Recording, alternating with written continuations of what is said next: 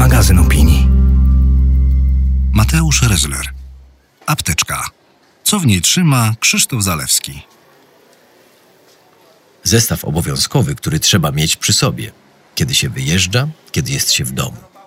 Podręczna apteczka złożona z najważniejszych książek, reprodukcji obrazów przynoszących spokój albo inspirację, ulubionej płyty, ważnej fotografii. Zestaw nie musi być stały.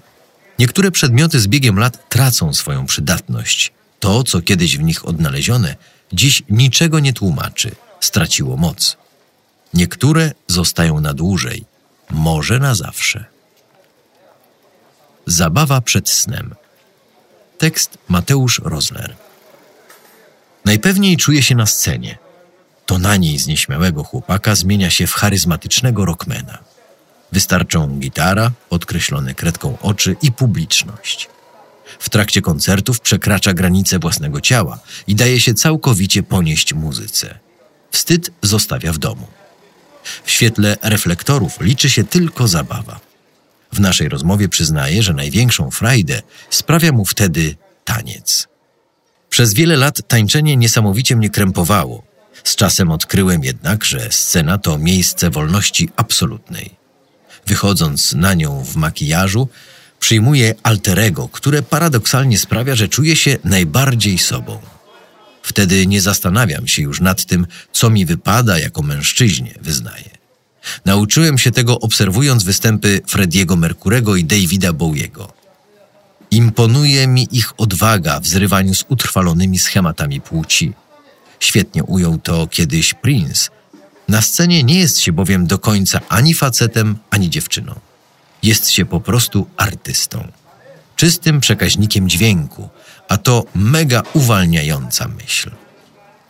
Nawet schodząc ze sceny, Zalewski nie rozstaje się z muzyką. Pomaga mu ona zażegnać nawet największe kryzysy.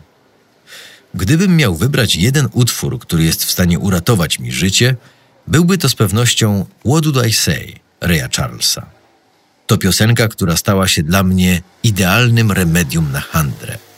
Natknąłem się na nią przypadkiem dobrych kilkanaście lat temu, gdy jeszcze będąc nastolatkiem wydawałem wszystkie przyoszczędzone pieniądze na płyty CD. Był to jeden z pierwszych utworów na składance przebojów Charlesa, którą upolowałem w sklepie muzycznym w Lublinie. Wszedł mi on do głowy tak mocno, że słuchałem go na zapętleniu przy każdej możliwej okazji. Czuć w tym kawałku nieokiełznaną radość, która momentalnie się udziela. Nieraz pomógł mi on wstać z łóżka, gdy nie widziałem w tym absolutnie żadnego sensu, przyznaję. Do Charlesa wracałem też w czasach, gdy miałem w zwyczaju przesadzać z używkami, a mój organizm całkowicie odmawiał posłuszeństwa. Okazywało się wtedy, że muzyka naprawdę ma moc wpływania na świadomość i może zmusić ciało do dalszego działania. Teraz traktuję ten numer czysto użytkowo. Słuchając go, znów chce mi się tańczyć. To dzięki niemu przypominam sobie, że w życiu ważne są przede wszystkim te proste radości.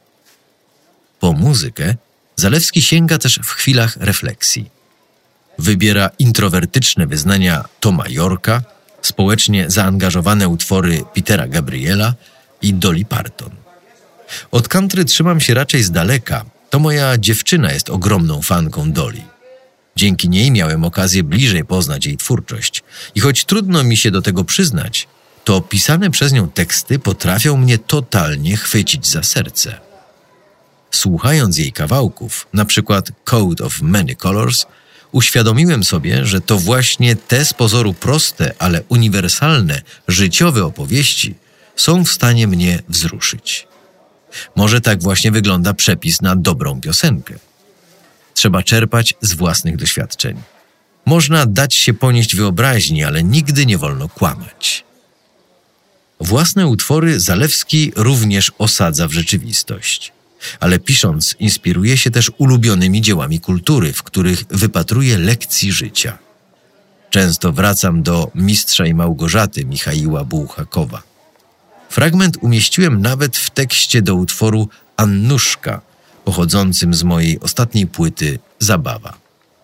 Pracując nad albumem przed snem, czytałem też powieści Olgi Tokarczuk.